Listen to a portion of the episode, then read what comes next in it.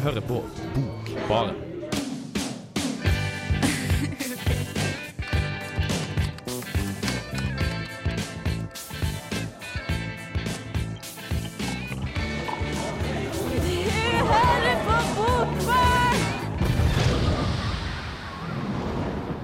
Ja, hei alle sammen, og velkommen til Bokbarn, Radio Revolt sitt litterære magasin.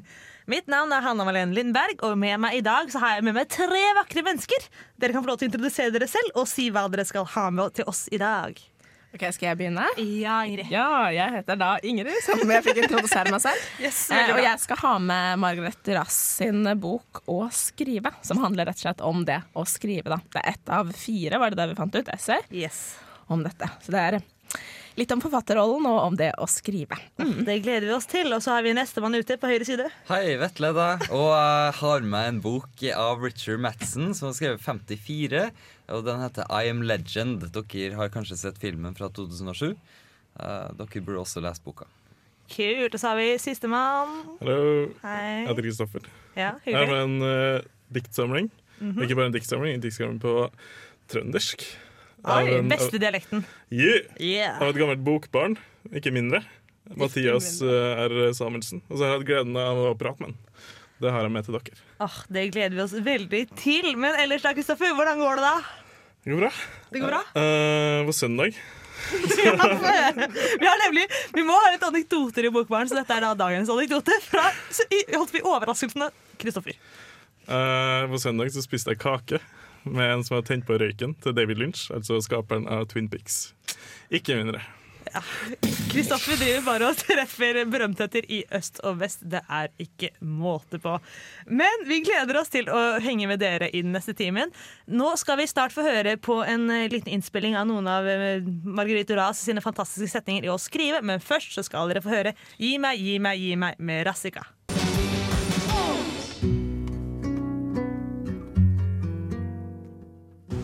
Sex with you is really a Kafkaesque experience.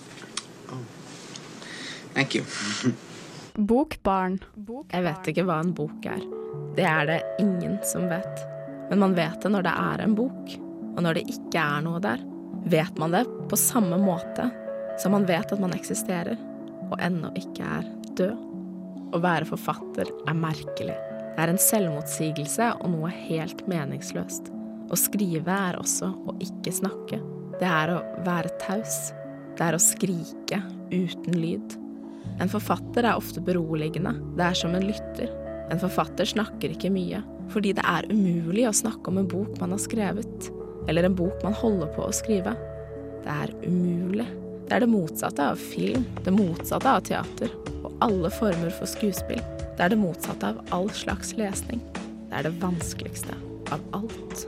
En bok er det ukjente, det er natten, det er lukket. Slik er det. Det er boken som presser seg fram, som vokser, som presser seg fram i alle de retningene man trodde man hadde utforska, mot sin egen bestemmelse og sin forfatters bestemmelse, og som så blir utslettet ved utgivelsen. Bokens adskillelse fra den som har skrevet den, den drømte boken, som det sistefødte barnet, alltid det høyest elskede.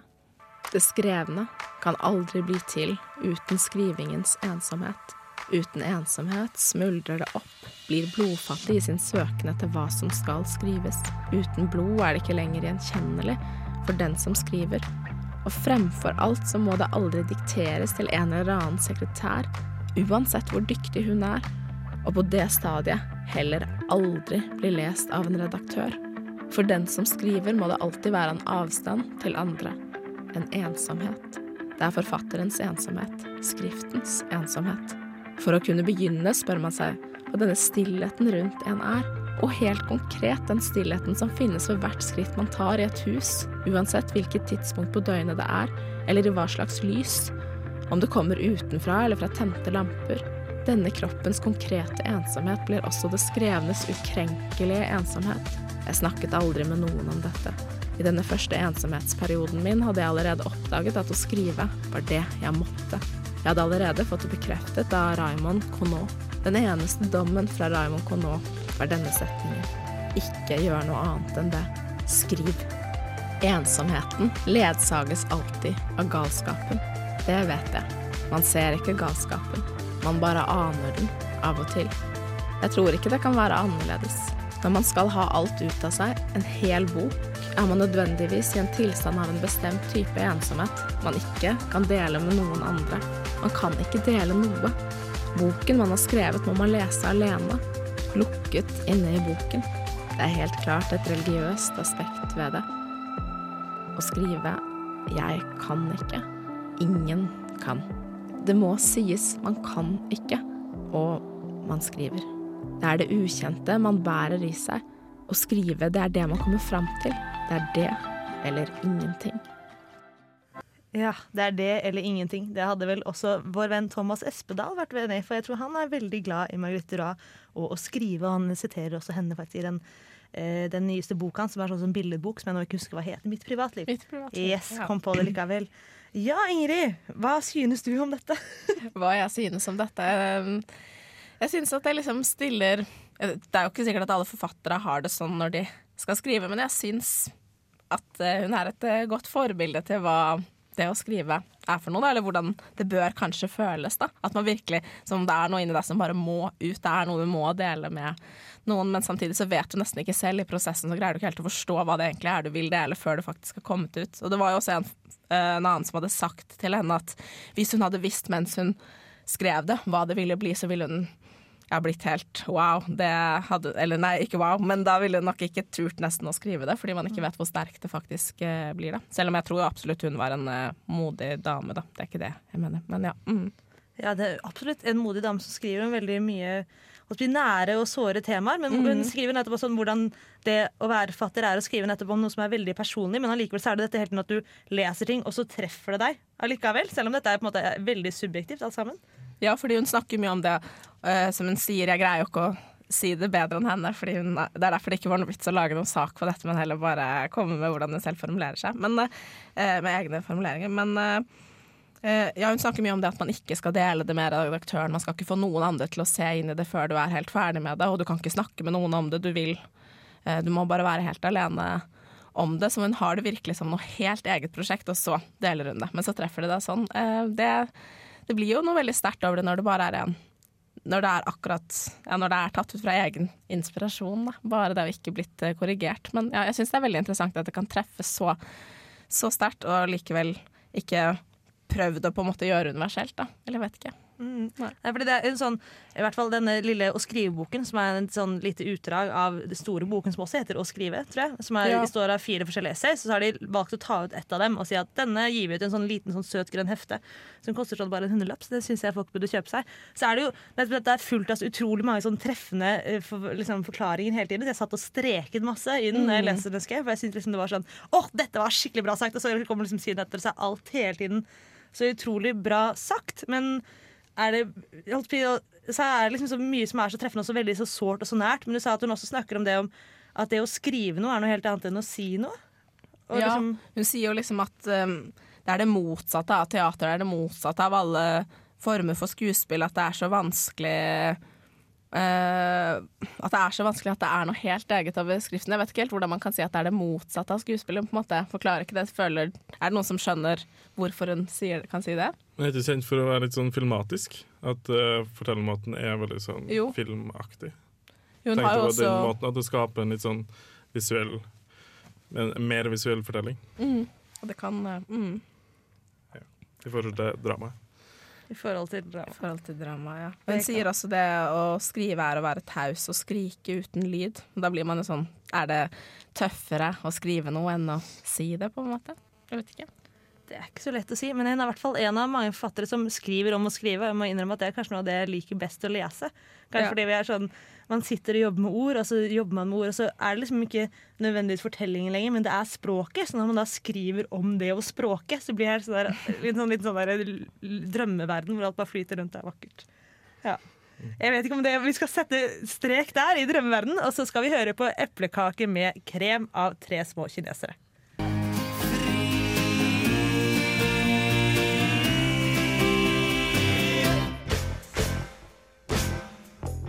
Jepp, dette er Frode Grøtten. Eh, Lytt på Bokbaren på Radio Revolt. Ta deg en eh, god drink. Ja, jeg håper du har noe godt å drikke på mens du hører på oss. Nå har vi snakket om å skrive, og det er en eh, bok alle bare må lese. og finne frem til. Men det er jo så utrolig mange her som skriver i denne verden. Og det er selvfølgelig også mange innenfor Trondheim som skriver. Og det er en av de du har snakket med, Kristoffer. Ja, for jeg uh, triksa med fotball da jeg var liten. Jeg hadde ikke vært så veldig interessert i fotball. Men det var en litteraturinteressert som gikk foran meg, eller gikk forbi meg til huset hans. Det var han jeg har med i dag. Mathias R. Samuelsen. For han bodde to hus bortafor der jeg vokste opp. Ja, Og han var heller ikke så interessert i fotball? Jeg kanskje? er ikke interessert i fotball. Nei, Så deilig at det finnes noen av de også. Men hva er det du har med deg fra ham? Eh, Den aller nyeste diktsamlinga. Jeg har gitt ut to stykker. Første var utredning om eh, trengsel, som de anmeldte her på Bokbaren eh, for tre-fire år siden. Eh, Og så har han da forestillingsverket. Ja, hva er det som, Du sa det var noen fellestrekk mellom disse to diktsamlingene. Eh, Det er delt i tre. Mm. Den første diktsamlingen handler liksom om tre forskjellige typer med trengsel. Og her så er det i forestillingsverket, som er det nyeste, så handler det om en sånn slags sånn lyrisk jeg. Som er veldig sånn høytsvevende og flytende i starten, men så blir det mer saklig. Og så er det en slags sånn konklusjon om ja. Det er Hva, hva slags konklusjon er det? Hva kommer man fram til? Jeg har kanskje glemt å spørre om. Men uh, uh, vet ikke helt. Nei. det var Det er veldig- diffust. Ja, men uh, jeg har jo intervjuet han, Mm. så der, han, jo, han har jo peiling på det. Så han, han veit hva slags konklusjon, han har kommet fram til selv. Ja. Selv om vi ikke oppfatter det. Men det, det er jo Det han skriver, er veldig glad i. For at han er jo inspirert av amerikanske godgutter, som jeg også liker. Så det er veldig sånn Sånn bit på et godgutter, eller eldre Ja. eldre godgutter? Det er en, det er en strofe i den uh, diktsamlinga som sier at eh, han liker godes uh, troper. Så han liker liksom Han liker sånn hard og tung eh, harde, tunge metaforer, men liksom enkle setninger som liksom flyter. Det høres ikke så dumt ut. Men før vi starter dette intervjuet ditt med Mathias, må vi ta en liten oppsummering på hva han Fordi han er en ganske markant person i dette da, lille, søte litteraturmiljøet vi har her i Trondheim. Hva er det han driver med? Uh, han er redaktør med Rune F. Emås i Beijing Trondheim, som er et sånt uh, forlag som gir ut et magasin. Og så gir de inn noen små utgivelser. Det var en kokebok, blant annet. Kult. Så det er en fyr man kan følge med videre på, så nå skal vi høre på Kristoffers intervju med Mathias.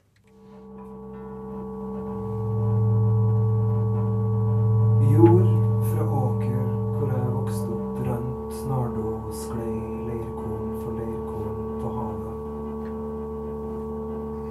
Du la haka mot jakkeslaget, gnei smeltevann inni håret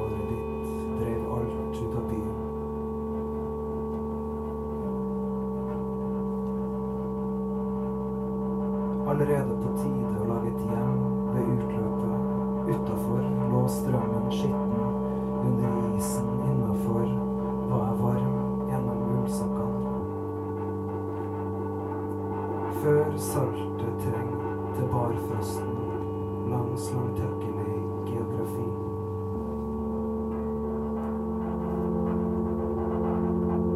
Jeg vente på trøndersk, den forestillingsverket. Var det lettere å skrive?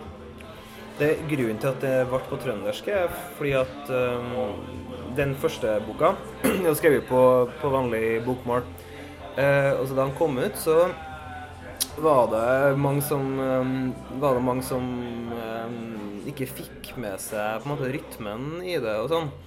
Og da var det egentlig en sånn tanke med at uh, siden jeg, jeg skriver selv om jeg skriver på bokmål, så skriver jeg på en måte med trøndersk i, i hodet. Og så, også, så leser jeg på trøndersk. Sånn at uh, det var egentlig en naturlig greie.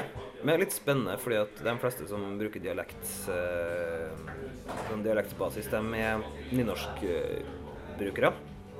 Gjerne fra, gjerne fra Vestlandet. Det er sånn Rimbereid eller, eller Nødtvedt for den del. Altså eh, Morten Langeland har lagt selv om han er fra Kristiansand. Eh, så den eneste jeg vet om som egentlig skriver på en bokmålsnorm og dialekt, er uh, Villanger. eh, som er mm, fra Oslo øst. Eh, men det er på en måte også litt sånn Den er også på et vis litt sånn utprøvd fordi at den var så eh, Deler av den har liksom blitt tatt inn på 70-tallet og sånn, sånn, sånn arbeiderspråk på et vis.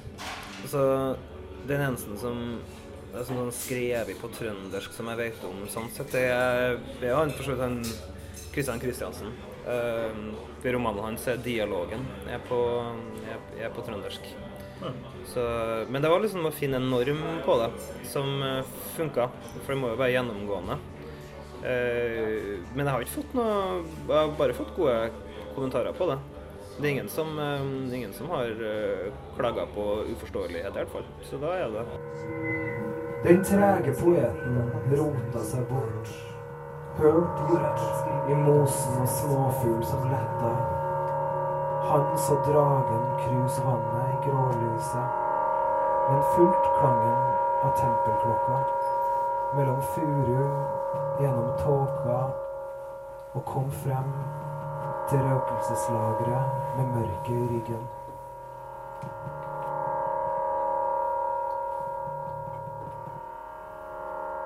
Det er jo mye referanser her, kjenner jeg, for det er jo Mm. Leonardo og Risvoll og sånn.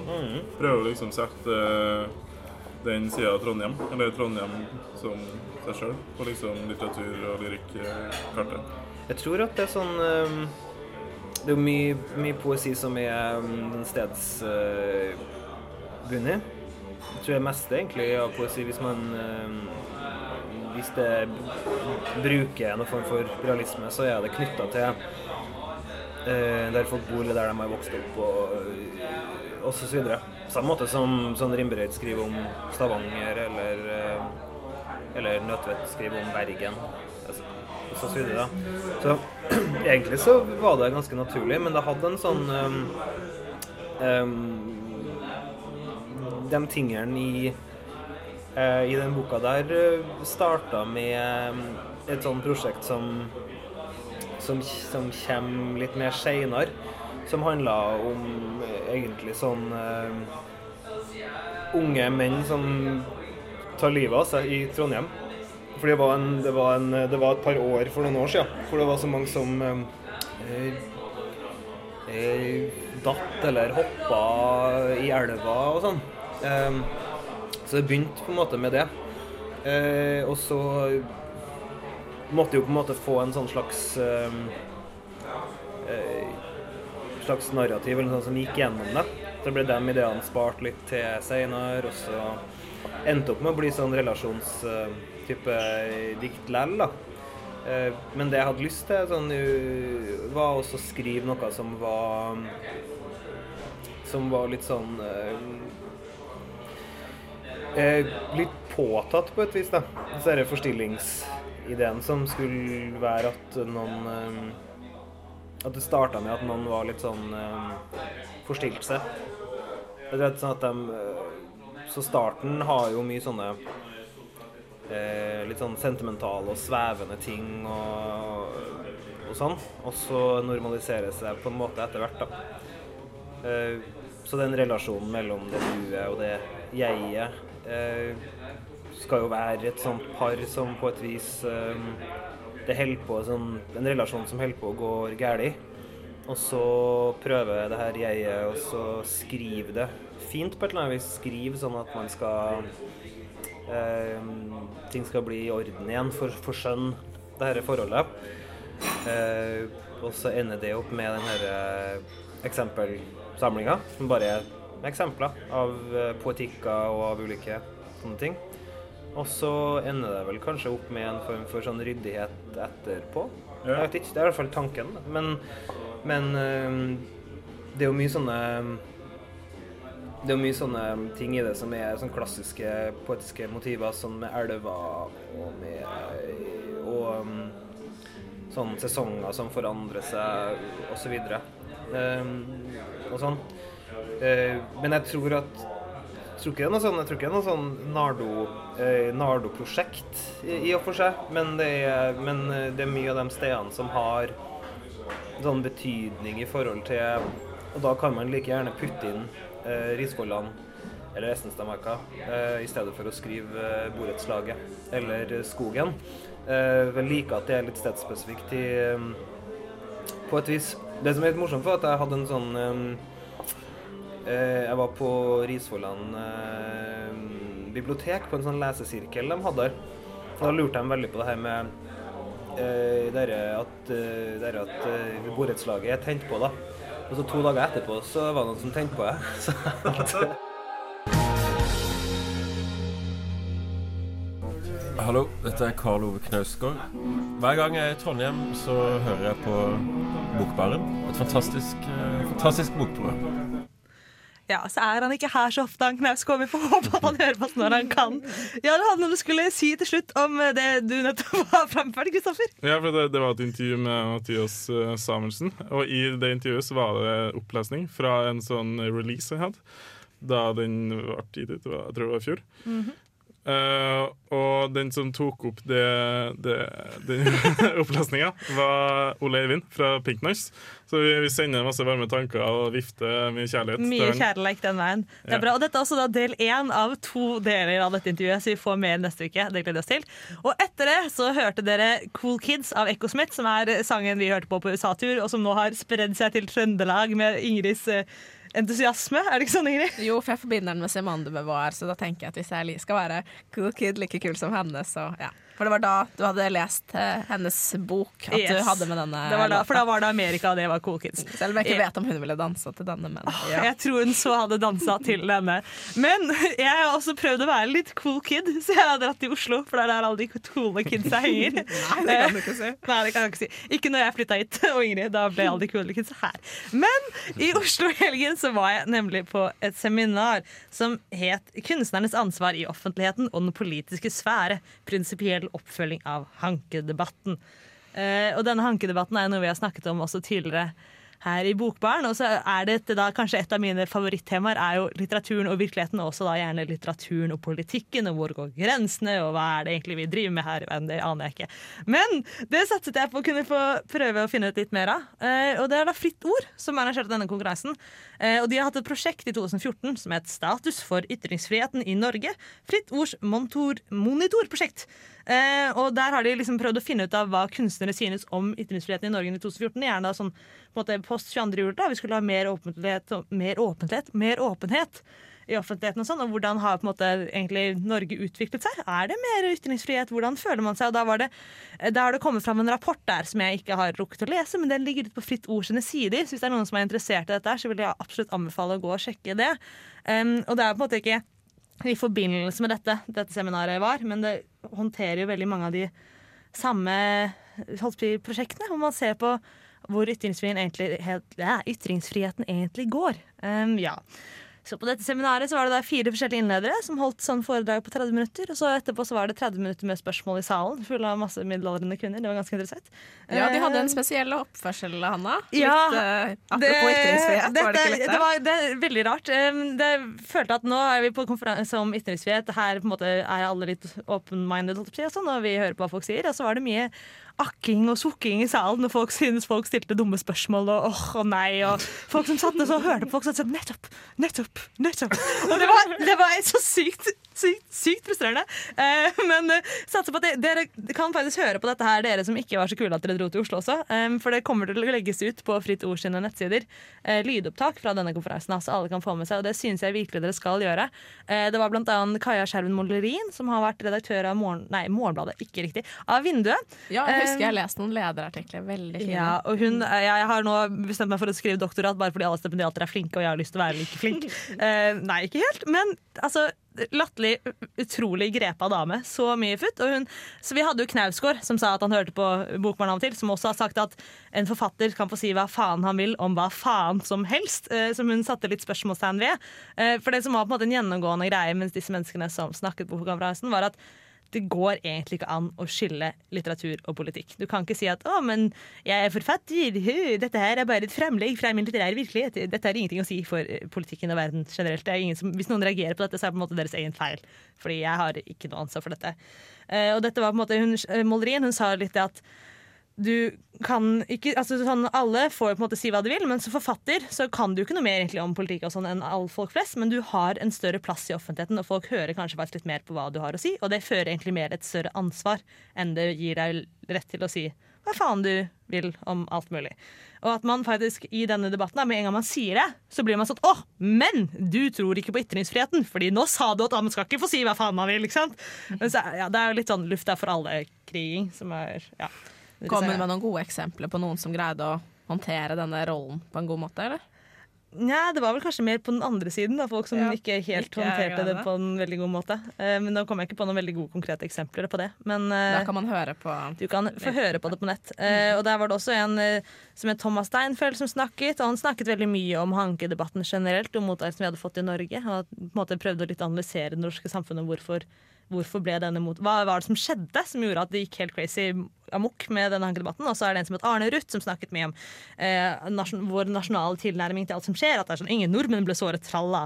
Det var veldig interessant. Og så var det en som het Hilde Sandvik, som jeg virkelig ikke syns hadde noe i det å gjøre. Som var eh, journalist og veldig polemisk og prøvde liksom å sette veldig punktum bak alt. Nå skal vi oppsummere, og det syns jeg var litt slitsomt. Men nå har jeg pratet om dette i en liten evighet, fordi jeg bruker min ytringsfrihet, dere. Eh, men jeg håper dere koser dere litt likevel. Og nå skal dere få høre en anmeldelse av I Am Legend av Vetle. Robert Neville er den siste levende personen på planeten, men det betyr ikke at han er alene. De kommer om kvelden, alle barn, kvinner og menn som tidligere har vært hans medborgere i New York City. Og de kommer for han. Da kan han ikke gjøre annet enn å håpe at kvelden blir kortere enn den forrige. After a while, though, even the deepest sorrows faltered. Even the most penetrating despair lost its scalpel edge. På dagtid har han hele byen som sin personlige lekeplass. Der gir han tid til å tenke, stille spørsmål og finne ut hva han skal gjøre som verdens siste person. Og hvorfor han skal gjøre det. For hva er egentlig poenget? Hva er målet med det hele? Robert har jo for lengst gitt opp håpet på å finne noen som han, og hans håpløse forsøk på å finne en kur er bare bortkasta tid. Tid som forresten ikke lenger har noen betydning. Dager, måneder, år. Han vet ikke. Det spiller forresten ingen rolle. Kanskje han bare skal drikke litt mer, så han slipper å oppleve enda en natt med dem utafor huset hans. In a world of monotonous horror, there could be no salvation in wild dreaming. Horror he had adjusted to. But monotony was the greater obstacle, and he realized it now. Understood it at long last. And understanding it seemed to give him a sort of quiet peace, a sense of having spread all the cards on his mental table, examined them, and settled conclusively on the desired hand. Reisen tar oss med inn i mentaliteten til en som har mista alt, ikke sett et annet menneske på altfor lenge, og bruker dagene på å lete etter sine naboer for å drepe dem, og tar seg et glass for mye mens han hører gjennom platene sine og stiller de samme spørsmålene han har tenkt flerfoldige ganger tidligere, uten å finne noe svar. Velformulert, tidløs, spennende og ellers en fantastisk leseopplevelse. Richard Matheson fikk til det han prøvde på, og det ville være synd om du gikk glipp av denne boka. Og kommer du deg helt til slutten, Matthew finner den perfekte konklusjonen på boka.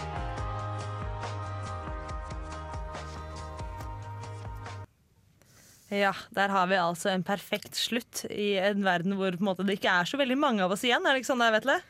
Jo, alle er jo fortsatt på jorda, men uh, de er ikke så veldig til stede, da. Nei. Uh, alle har blitt uh, forvandla, skulle si. Uh, eller infected. Eh, hva heter det på norsk, egentlig? Jeg er så dårlig på norsk. Jeg kan ikke norsk. det er så dårlig når jeg får sånn derre Si dette ordet på norsk etter tre sekunder, så vet jeg ikke. Du har blitt smittet. blitt smittet da, Ja, av, eh, av det her eh, virusbakterier Det er vel en bakterie, jeg husker ikke helt. Uh, og så blir de eh, til vampyrer, som de, det står i boka her. Men alle som har sett I'm Legend eh, 2007 med Will Smith, Hollywood, let's go, uh, vet jo at det er egentlig zombier. Og det spiller en litt sentral Det er jo nettopp derfor boka her er blitt en ganske sånn uh, starten på zombieverdenen. Mm. Fordi at han skriver om dem som om de var zombier, men han har liksom ikke det navnet ennå. Eh, men eh, de oppfører seg jo basically som zombier.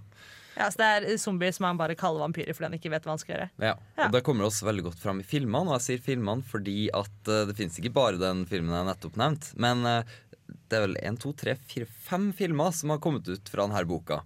Oi. Spredd helt fra uh, 1954. Det var vel da boka ble skrevet.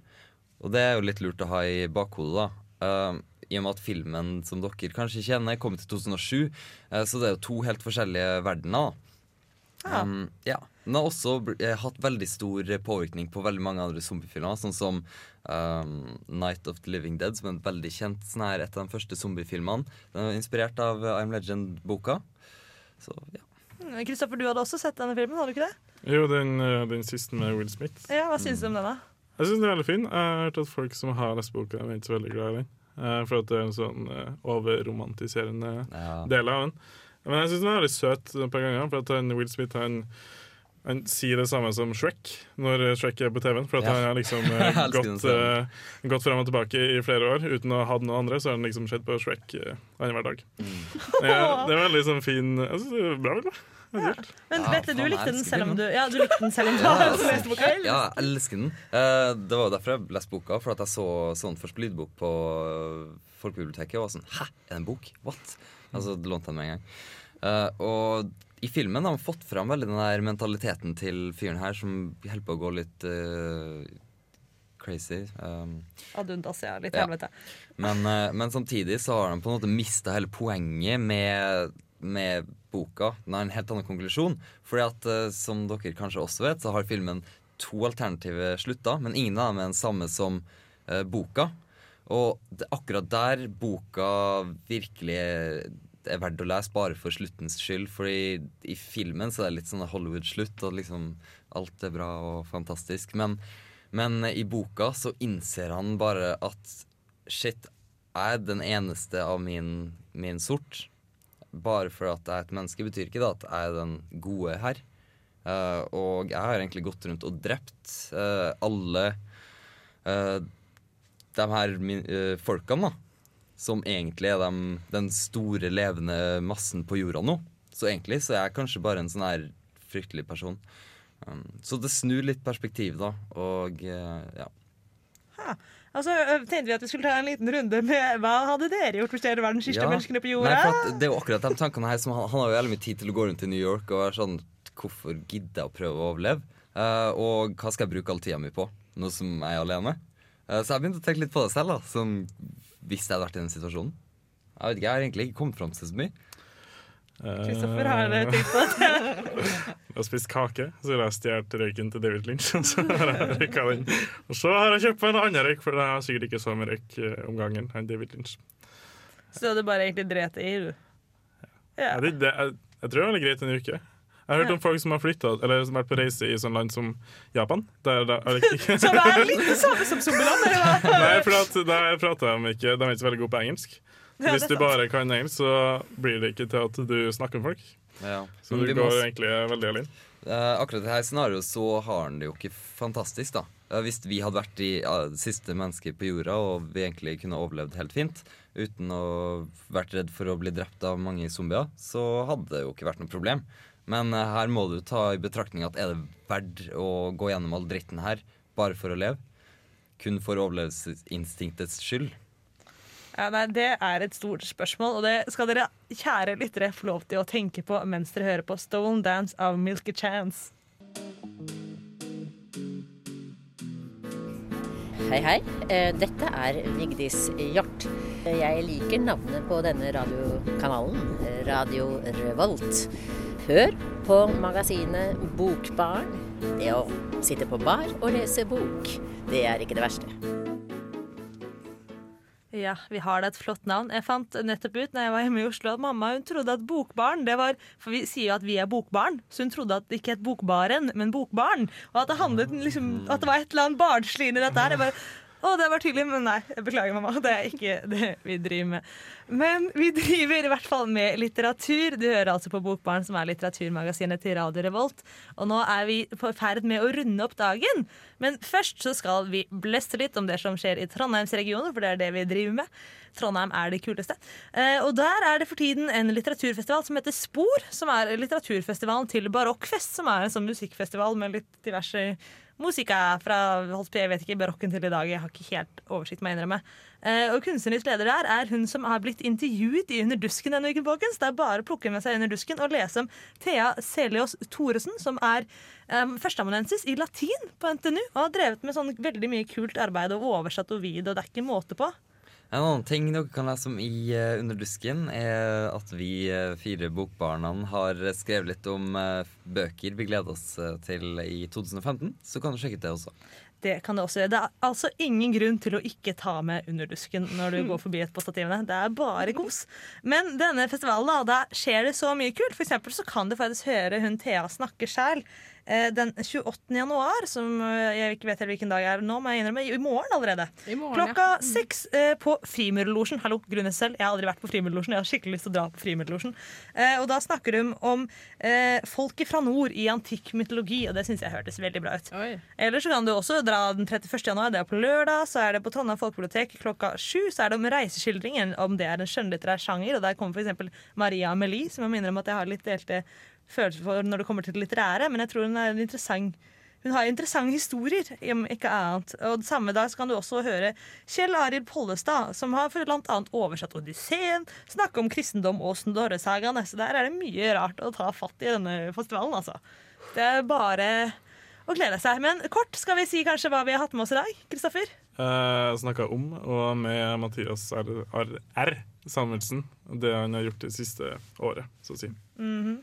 Ja, jeg leste en fantastisk bok til Richard Madsen, hvis det uttales sånn. Jeg tror det. Fra 1990, nei, 1954. I Am Legend. Veldig kul bok. Veldig kul bok. Og jeg har lest eh, å skrive, eller utdrag i hvert fall fra det, eh, av Margaret Duras. Og det har vært eh, ekstremt vakkert, rett og slett.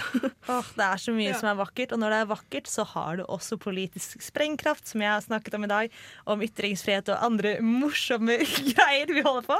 Eh, med oss i dag så har vi også hatt med en fantastisk tekniker som heter Ingvild Aas.